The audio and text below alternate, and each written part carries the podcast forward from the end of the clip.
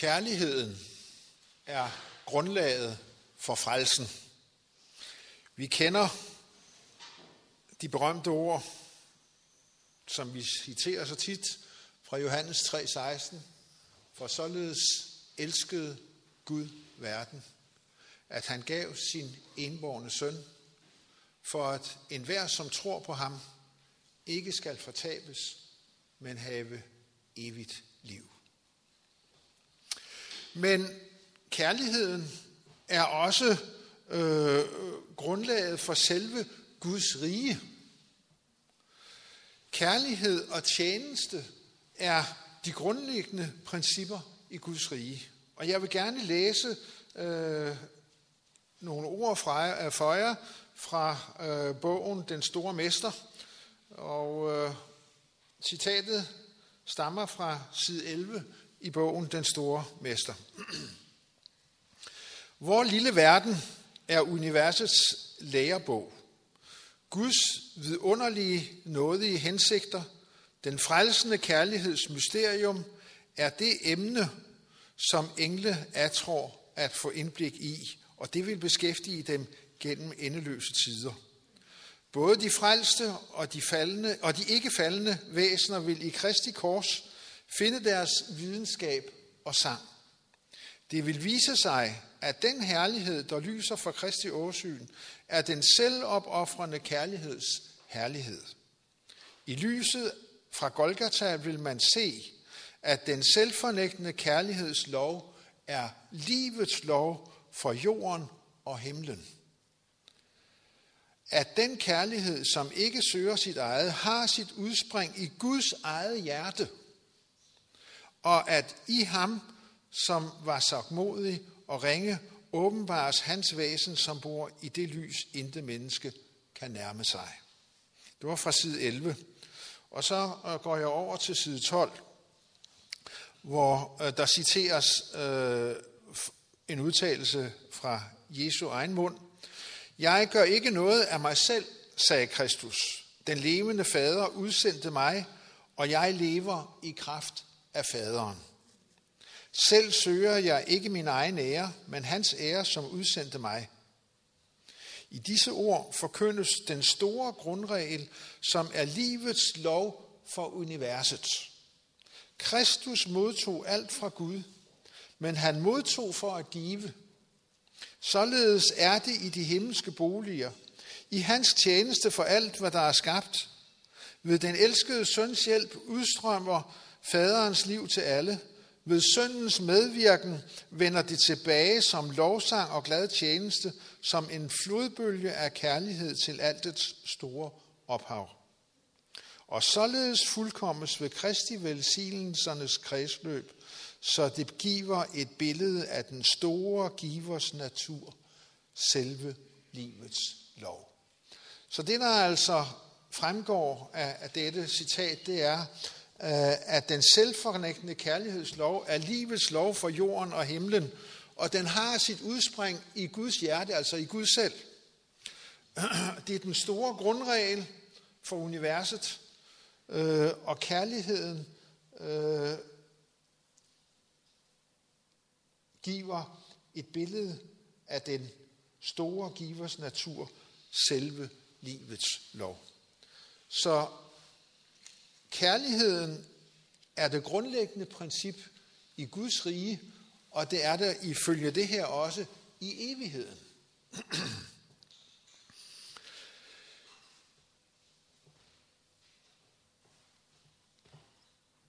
Hvis vi prøver at se på evangelisten Johannes' liv, så må vi også konstatere, at det var Kristi kærlighed, der forvandlede ham. Han startede ud med at blive kaldt Tordensønnen. Og vi husker, at på et tidspunkt, øh, hvor folk ikke ville lytte til det budskab, de kom med, øh, så siger han øh, til øh, Jesus, om ikke han vil lade falde ild ned fra himlen og fortære de der mennesker. Og Jesus han siger, du ved ikke rigtigt, hvad det er, du, øh, du beder om. Men denne Johannes, han vandrede sammen med Jesus. denne tordensøn. Og han blev til det, man kalder for kærlighedens apostel. Og det illustreres rigtig godt i øh, 1. Johannes' brev, hvor vi har en masse udtalelser fra Johannes, som netop omtaler øh, kærligheden. Vi skal slå op til 1. Johannes' brev sammen, og der skal vi læse det andet kapitel. 1. Johannes' brev, der skal vi se på det andet kapitel. Og øh,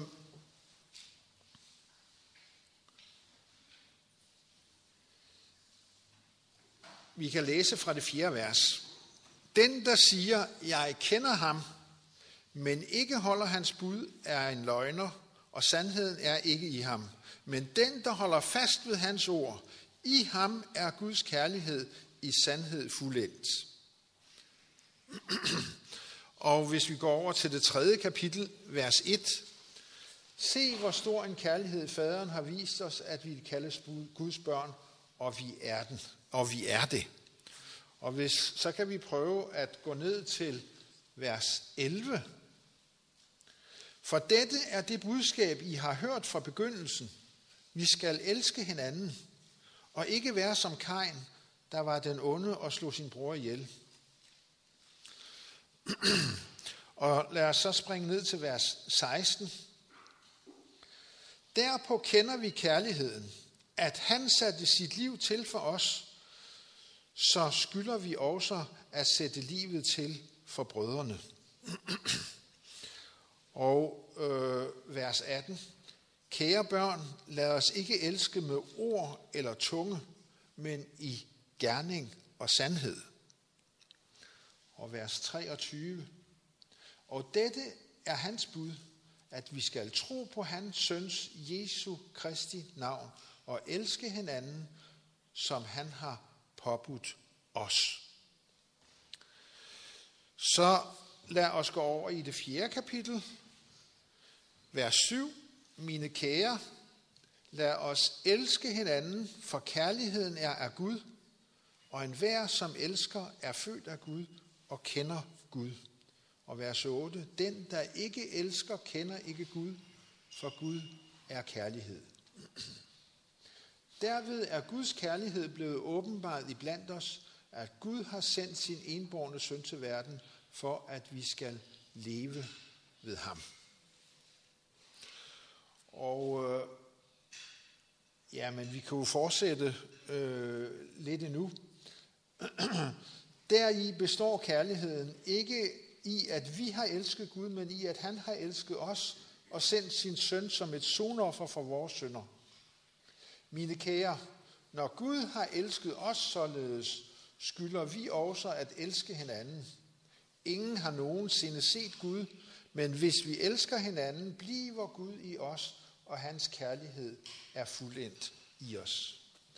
Og så vil jeg slutte af med vers 17-21. Deri er kærligheden fuldendt i os, at vi har frimodighed på dommens dag, for som han er, er også vi i denne verden. Frygt findes ikke i kærligheden, men den fuldendte kærlighed fordriver frygten, for frygt er forbundet med straf, og den, der nærer frygt, er ikke fuldendt i kærligheden.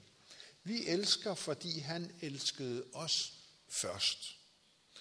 Hvis nogen siger, jeg elsker Gud, men hader sin bror, er han en nøgner. For den, der ikke elsker sin bror, som han har set, kan ikke elske Gud, som han ikke har set. Og dette bud har vi fra ham. Den, der elsker Gud, skal også elske sin bror. Guds kærlighed er ikke bare tilgivelse eller noget, eller en ideologi.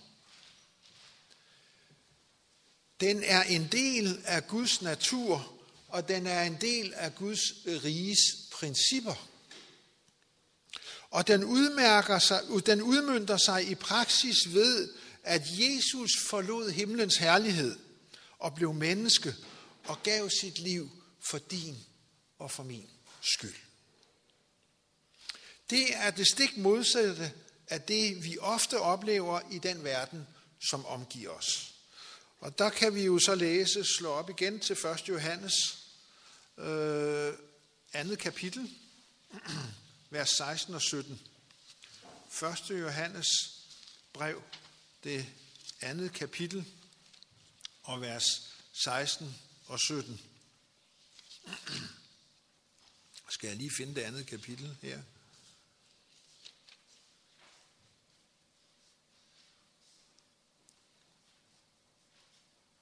For alt det, som er i verden, kødets lyst og øjnenes lyst og pral med jordisk gods, er ikke af faderen, men af verden.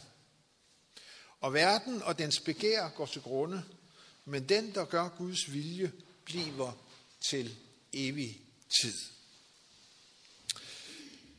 Verden er optaget af magt, af penge, af status, men Guds rige er modsat.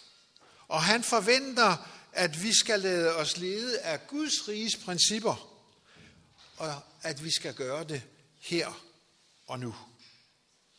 Jeg har endnu et citat, også fra den store mester, side 12-13. Udøvelse af magt er i modstrid med grundreglerne for Guds herredømme. Han ønsker kun kærlighedens tjeneste – og kærligheden kan ikke fremtvinges, den kan ikke vindes ved magt eller myndighed. Kærlighed kan kun vækkes gennem kærlighed. At kende Gud er det samme som at elske ham. Hans egenskaber måtte åbenbares i modsætning til Satans egenskaber. Denne opgave kunne kun en eneste i hele universet påtage sig. Kun han som kendte højden og dybden af Guds kærlighed, kunne gøre den kendt for andre. Altså, udøvelse af magt er i modstrid med grundreglerne i Guds herredømme. At være omvendt er at have fået en anden drivkraft i tilværelsen end magt og penge og status.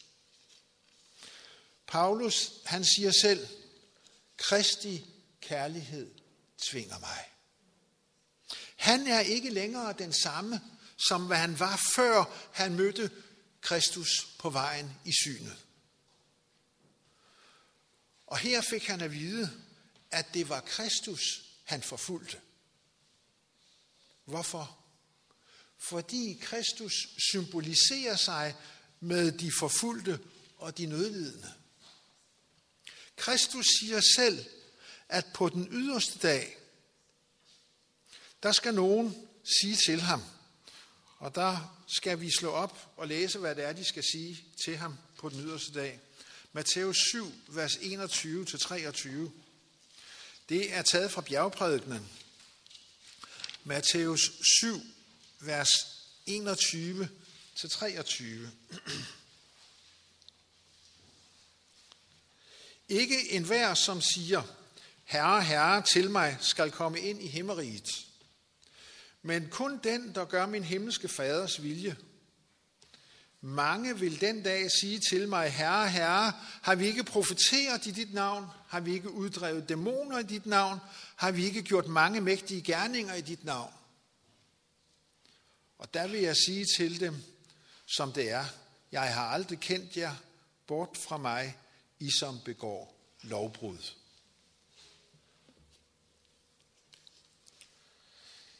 Det er ikke selve gerningen,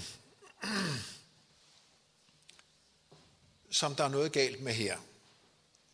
De mennesker, som her taler om, de fremholder, hvad de har udrettet med tanke på fortjeneste. Øh, dem, der siger det, de har lagt sig i selen for at udrette noget, og det er der sådan set ikke noget galt med. Men øh, der, hvor det går galt, er, at de fremlægger det for Jesus som noget, der skulle kunne få dem til at fortjene frelsen. Øh, de fremholder, hvad de har udrettet med tanke på fortjeneste. Og øh, nu vil jeg læse videre øh, fra stadigvæk den store mester. Og øh,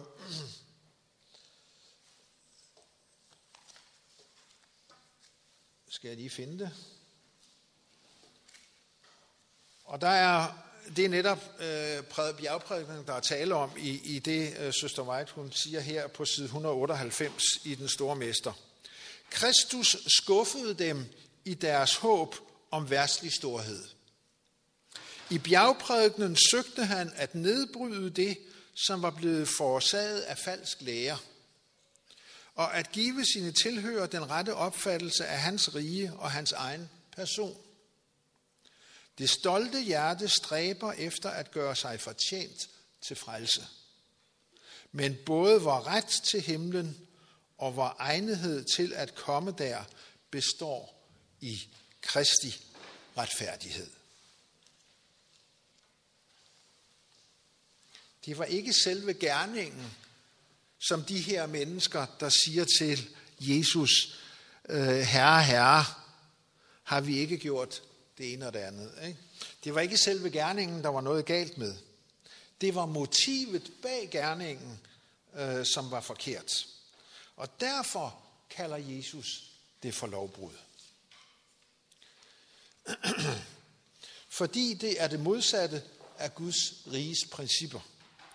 De har ikke handlet ud fra kærlighed, men ud fra tanken om at fortjene. Og i skærende modsætning til det, der kan vi jo læse, hvad øh, Jesus han siger i Matthæus det 10. kapitel. øh, der skal vi til det 10. kapitel, vers 40. Den, der tager imod mig, øh, det er i forbindelse med udsendelsen af de 12, øh, som Jesus øh, han siger det her. Den, der tager imod jer, tager imod mig. Og den, der tager imod mig, tager imod ham, som har udsendt mig. Den, der tager imod en profet, fordi der er en profet, skal få løn som en profet. Og den, der tager imod en retfærdig, fordi det er en retfærdig, skal få løn som en retfærdig. Og den, der giver en af disse små, blot et bæger koldt vand at drikke, fordi det er en disciple, sandelig siger jeg jer, han skal ikke gå glip af sin løn.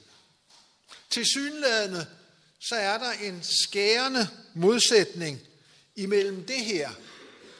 Blot et bæger koldt vand at drikke, fordi der er en disciple. Og dem, der siger, herre, herre, har vi ikke gjort dit og dat i dit navn? Og han siger, jeg kender dem ikke. Og her blot et bæger koldt vand, og han skal ikke gå glip af sin løn. Dem, som har profeteret og uddrevet onde ånder, får at vide, at Jesus ikke vil kendes ved dem, mens dem, som har givet blot et bæger koldt vand, ikke skal gå klip af deres løn. Hvad er det for noget? Vi plejer at se på, hvor meget man udretter, og så bedømme det derefter. Men Gud ser på noget helt andet. Han ser på motivet. Så forskellen på den her tilsyneladende uretfærdighed efter vores målestok, den ligger i drivkraften eller motivet bag handlingerne. Det er det samme, vi konstaterer i Matthæus evangeliets det 25. kapitel. Og øh, det kan vi godt slå op til Matthæus evangeliet, det 25. kapitel. Øh, der har vi øh, vi har øh, afsnittet om verdensdommen fra vers 31. Matthæus 25, vers 31. Når menneskesønnen kommer i sin herlighed og alle englene med ham, der skal han tage sæde på sin herlighedstrone, og alle folkeslagene skal samles foran ham, og han skal skille dem, som en hyrde skiller forne fra brugne. Forne skal han stille ved sin højre side, og bukkene ved sin venstre. og så kommer det, vi skal lægge mærke til. Da, der skal kongen sige til dem ved sin højre side, Kom, I som er min faders velsignede, og tag det rige i arv, som er bestemt for jer, siden verden blev grundlagt. For jeg var sulten, og I gav mig noget at spise. Jeg var tørstig, og I gav mig noget at drikke. Jeg var fremmed, og I tog imod mig. Jeg var nøgen, og I gav mig tøj. Jeg var syg, og I tog mig af jer. Jeg var i fængsel, og I besøgte mig. Da skal de retfærdige sige, Herre, hvornår så vi dig sulten? Og gav dig noget at spise? Eller tørstig og gav dig noget at drikke? Når, når, hvornår så vi dig som en fremmed og tog imod dig? Eller så dig nøgen og gav dig tøj? Hvornår så vi dig syg eller i fængsel og besøgte dig? Og kongen vil svare dem, sandelig siger jeg jer. Alt hvad I har gjort mod en af disse mine mindste brødre, det har I gjort imod mig. De viste kærlighed, de viste barmhjertighed mod nogle af de mindste. Og Jesus siger, alt hvad I har gjort imod dem, det har I gjort imod mig. Så kommer der den anden gruppe, og han siger næsten det samme til dem. Øh, alt hvad I har gjort mod en af disse mindste brødre, har I gjort imod mig. Der skal han sige til dem til ved sin venstre side, gå bort fra mig, I forbandede, til den evige ild, som er bestemt jer fra djævlen og fra hans engle. For jeg var sulten, og I gav mig ikke noget at spise. Jeg var tørstig. Hele den samme øh, øh, øh, op, opremsning igen. Og de siger, herre, de siger det samme. Hvornår så vi dig sulten, eller tørstig, eller fremmed, eller nøgen, eller syg, eller i fængsel, uden at vi hjalp dig? Vi har ikke set dig i den situation. Underforstået, havde det været dig, der var i den situation, så skulle vi nok have hjulpet dig med tanke på fortjeneste. Så forskellen på de to grupper, de velsignede og de forbandede, ligger i motivet. Den ene gruppe gør det af kærlighed, som er Guds lovs princip, som er princippet bag hele Guds regering, universets grundlæggende princip. Og den anden gør det med tanke på fortjeneste. Forskellen ligger i motivet. Og det betyder for os, at vi kan ikke forkynde sandheden og læresætninger, som det verden har brug for, uden at drivkraften er kærlighed til Gud og til vores medmennesker. Hvis ikke det er kærligheden, der ligger bag, så er der noget galt. Der kom en lovkyndig til Jesus og stillede en fælde for ham. Og det ser vi i Matthæus 22. Og det skal vi læse. Matthæus 22, vers 35 til 40. Øh. Og en af dem, en lovkyndig, spurgte ham for at sætte ham på prøve. Mester, hvad er det største bud i loven? Han sagde til ham, du skal elske Herren din Gud af hele dit hjerte og hele din sjæl og hele dit sind. Det er det største og det første bud. Men der er et andet, der står lige med det. Du skal elske din næste som dig selv. På de to bud hviler hele loven og profeterne.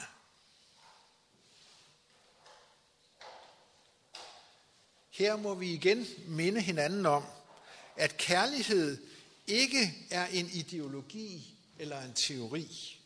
Den viser sig i praksis. Den viser sig i den måde, vi griber vores forkyndelse an på over for de mennesker, øh, som vi møder og som vi ønsker at fortælle om sandheden. Og den øh, viser sig i den måde, som vi agerer på over for hinanden som menighedsmedlemmer.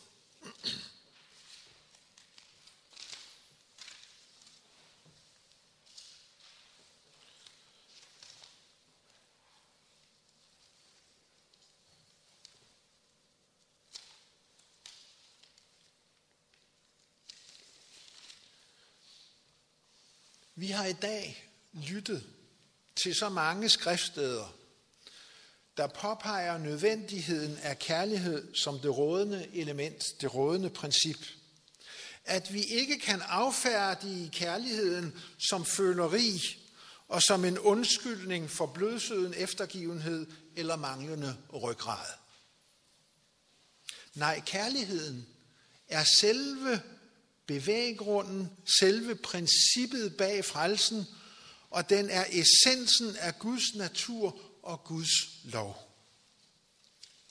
Nu vil jeg godt have lov at fortsætte med anden del af citat fra side 200 i Den Store Mester. Det er et lidt længere citat, men jeg håber, I vil have tålmodighed med mig. De, som åbenbarer Kristi ydmyge og sagtmodige ånd, bliver af Gud betragtet med mildhed. Muligvis ser verden på dem med foragt, men i Guds øjne er de meget værd. Ikke blot de kloge, de store, de godgørende vil få adgang til de himmelske boliger. Ikke blot den travle arbejder, som er fuld af iver og ustandslig travlhed. Nej, de fattige i ånden, som altid trænger til Kristi nærhed. De ydmyge af hjertet, hvis højeste ergærighed består i at gøre Guds vilje. For dem står døren vidt åben. De vil være at finde blandt dem, der har tvættet deres klæder og gjort dem hvide i lammets blod. Derfor står de nu foran Guds trone og tjener ham dag og nat i hans tempel, og han, som sidder på tronen, skal opslå sit telt over dem. Citat fra åbenbaringen 7.15. Og så fortsætter hun. Salige er de, som hungrer og tørster efter retfærdigheden. En følelse af uværdighed vil bringe hjertet til at hungre og tørste efter retfærdighed. Og dette ønske vil ikke blive skuffet. De, som i deres hjerte skaber plads for Jesus, vil komme til at erfare hans kærlighed.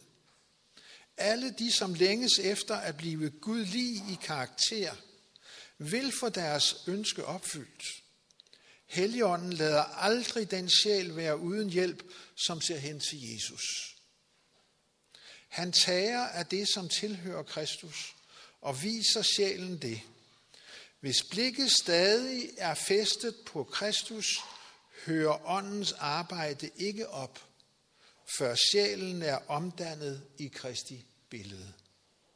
Den rene kærlighed vil brede sig i sjælen og gøre den brugelig til højere formål, vil give den forøget kendskab til det himmelske, så den ikke skal komme til at mangle noget af det, den trænger til.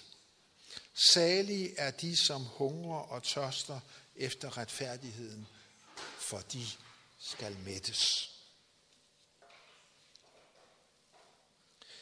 I Korinthermenigheden, der havde man en diskussion om, hvem der havde de største nådegaver.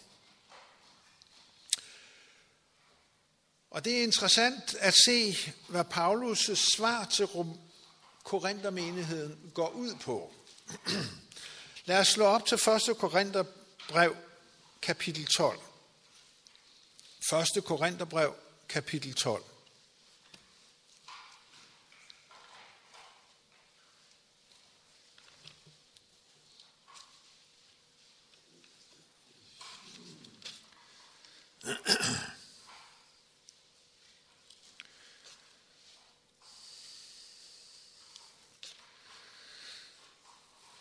Det begynder sådan. Om åndens gaver, brødre, vil jeg ikke holde jer i uvidenhed. I grundteksten, der står der kun med hensyn til de åndelige. Ordet gaver står ikke i grundteksten. Hvis man går hen og læ, læ, læser en, en bogstavelig oversættelse af teksten, så vil man se, at mange steder, at dem, der laver en, for eksempel Youngs uh, Literal, og, og uh, jeg har også kigget i en, en fransk en, uh, der står, der står uh, ordet gaver i firkantet parentes. Det vil sige, det er noget, oversætterne har formodet, det skal forstås sådan. Og og det er noget, oversætterne har tilføjet. Det er ikke noget, der står i grundteksten. Der står kun med hensyn til de åndelige. Ordet gaver er blevet tilføjet, fordi oversætteren mente, at det gav mening. Men jeg mener ikke, at dette kapitel blot er en fredsomlig fremstilling af de åndelige gaver. For vi ved at det foregående, af de foregående kapitler, at der var en del uenighed i Korinthermenigheden, og Paulus han i rette sætter dem. Der var nogen, der mente, at de var mere åndelige end andre, og man fremholdt nogle nådegaver som mere betydningsfulde end andre nådegaver. Og Paulus' argument er, at læmet har mange lemmer, og at et hvert lem er vigtigt. Det kan vi læse i vers 12. For ligesom lægemet er en enhed, selvom det har mange lemmer, og alle lemmer øh, og alle lægemets lemmer, så mange som de er, dog danner et læme, sådan er det også med Kristus. Øh, han taler om, at, at Kristus er, er menighedens hoved, og menigheden er som, som lemmerne øh, på et læme. øh, han drager en sammenligning mellem lægemet og menigheden. Og han taler også om, at, at lægemet kan ikke undvære foden. For eksempel vers 15. Siger foden, jeg er ikke hånd, altså hører jeg ikke til lægemet. Er den dog alligevel en del af lægemet? Og siger øret, jeg er ikke øre, altså hører jeg ikke til lægemet. Er det dog lige fuldt en del af lægemet? Så hans argument er, ingen kan undværes. Ingen nådegave kan undværes. og heller ingen personer kan undværes. Øh, men vi skal ned til vers 25 for at se, hvad det er, han egentlig konkluderer. Øh, vers 24. Øh, sådan som Gud har sammenføjet lægemet, har han givet det, som mangler ære, desto større ære, for at der ikke skulle opstå splid i lægemet, men lemmerne være enige og have omsorg for hinanden. Lider en lægemstil, lider også alle de andre. Bliver en lægemstil hedret, så gælder, glæder, det også, øh, glæder også alle de andre sig. I er Kristi lægeme, og hver især hans lemmer. og så kommer denne øh, øh, øh, opremsning af, af de her forskellige nådegaver. Øh, altså, øh, alt er lige vigtigt, og der bør være harmoni i menigheden. Det er hans budskab. Og så slutter han kapitel 12 med, så skal vi øh, se, hvad det er, han slutter med. Han siger til menigheden, men stræb efter de største nådegaver, og jeg vil vise jer en langt bedre vej. Og hvad er det, der er den langt bedre vej, end at tænke på, hvem der har de største nådegaver? Det er kærligheden. Vi har kapitel 13, som vi kalder kærlighedens kapitel.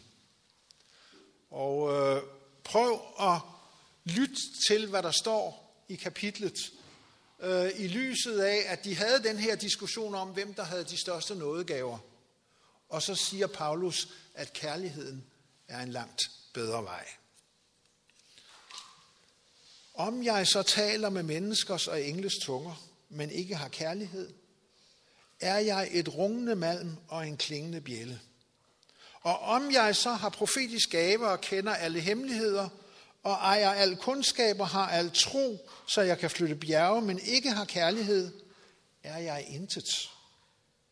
Og om jeg så uddeler alt, hvad jeg ejer, og giver mit læge hen til at brændes, men ikke har kærlighed, gavner det mig intet. Kærligheden er tålmodig, kærligheden er mild, den misunder ikke, kærligheden praler ikke, bilder sig ikke noget ind, den gør intet usømmeligt, søger ikke sit eget, hisser sig ikke op, bærer ikke nag. Den finder ikke sin glæde i uretten, men glæder sig ved sandheden. Den tåler alt, tror alt, håber alt, udholder alt. Kærligheden hører aldrig op, Profetiske gaver, de skal forgå. Tungetale, den skal forstumme. Og kundskab, den skal forgå. For vi erkender stykkevis, og vi profeterer stykkevis. Men når det fuldkommende kommer, skal det stykkevise forgå. Da jeg var barn, talte jeg som et barn, forstod jeg som et barn, tænkte jeg som et barn. Men da jeg blev voksen, aflagde jeg det barnagtige, eller det barnlige. Endnu ser vi i et spejl i en gåde, men der skal vi se ansigt til ansigt. Nu erkender jeg stykkevis, men der skal jeg kende fuldt ud, ligesom jeg selv er kendt fuldt ud. Så bliver der tro, håb, kærlighed, disse tre. Men størst af dem er kærligheden. Paulus argumenterer, at selvom man kan fremvise en masse nådegaver, så nytter det intet, hvis ikke man har kærlighed. Nådegaverne skal engang forsvinde, men tro, håb og kærlighed består, og størst af dem er kærligheden. Den bibelske holdning er altså, at uden kærlighed nytter det intet. Vi må leve som omvendte mennesker, hvor drivkraften i vort liv er Guds kærlighed i vort sind. Ikke handle som denne verden, hvor fortjeneste og magt er det, som driver mennesker. Vi skal have en anden drivkraft i tilværelsen. Det er ikke let, for synden har sit greb i os, hvis ikke vi hver eneste dag kommer til korset, ydmyger os for Gud og beder om hans kraft til at leve som en Jesu efterfølger eller en Jesu disciple. Men vi skal vide, at vi er ikke ladt alene. Vi har en mægtig frelser. En mægtig frelser, som kommer os til hjælp, når vi åbner hjertestør for ham, og når vi beder ham fylde os med sit sindelag og sin kærlighed. Jeg vil afslutte med et sidste citat fra den store mester, og det finder vi øh, side 464 til side 465. Det er et lidt længere citat, men hør godt efter. Ved Kristi sidste møde med sine disciple udtrykte han dette store ønske for dem, at de skulle elske hver andre, sådan som han havde elsket dem. Atter og atter talte han om dette. Dette byder jeg jer, gentog han flere gange, at I skal elske hver andre. Da han var blevet alene med dem i salen ovenpå, lød hans første, øh, første bud således. En ny befaling giver jeg jer, at I skal elske hver andre. For disciplene var denne befaling ny. For de havde ikke elsket hver andre, ligesom Kristus havde elsket dem. Han så, at de måtte beherskes af nye tanker og tilskyndelser. At de måtte handle efter nye principper. Gennem hans liv og død skulle de til at få en anden opfattelse af, hvad kærlighed er. Befalingen om, at de skulle elske hverandre, fik en ny betydning i lyset af hans selvhengivelse. Hele nådens værk er en fortsat tjeneste i kærlighed, i selvfornægtende selvopoffrelse. Hver time, som Kristus tilbragte her på jorden, strømmede Guds kærlighed fra ham i ubetvingelige strømme. Alle, som er besjælet af hans ånd, vil elske lige som han gjorde det. Det samme princip, som besjælede Kristus, vil være deres rettesnor i al deres forbindelse med hinanden. Denne kærlighed er vidnesbyrdet om, at de er Jesu disciple. Derpå skal alle kende, at I er mine disciple, om I har indbyrdes kærlighed. Når mennesker er knyttet til hinanden, ikke ved magt og ikke ved selviskhed, men ved kærlighed, så giver de udtryk for en indflydelse, som overgår enhver jordisk indflydelse. Hvor enheden er til stede, er den vidnesbyrd om, at Guds billede er ved at blive gendannet i menneskene, og at der er blevet indpodet et nyt livsprincip. Den viser, at der i den guddommelige natur er kraft til at modstå det ondes overnaturlige kræfter, og at Guds nåde kan betvinge den selviskhed, der er naturlig for det menneskelige hjerte. Der er håb for enhver af os, som overgiver os til Kristus. Der er kraft at hente ovenfra til at leve efter de høje idealer, som vi ikke magter at leve efter i egen kraft. Vi kan få indpudet et nyt livsprincip. Og det er jo det, vi kalder omvendelse. At vi har fået andre motiver, en anden drivkraft i tilværelsen, end vi havde før. Og denne drivkraft er kærligheden. Må Gud velsigne jer hver især i dagene fremover. I det I daglig overgiver jer til Guds ledelse og beder ham om at være hans kærlighed, hans eksempel om at være rettesnoren i jeres liv. Det er min bøn for enhver af os i Jesu navnet. Amen.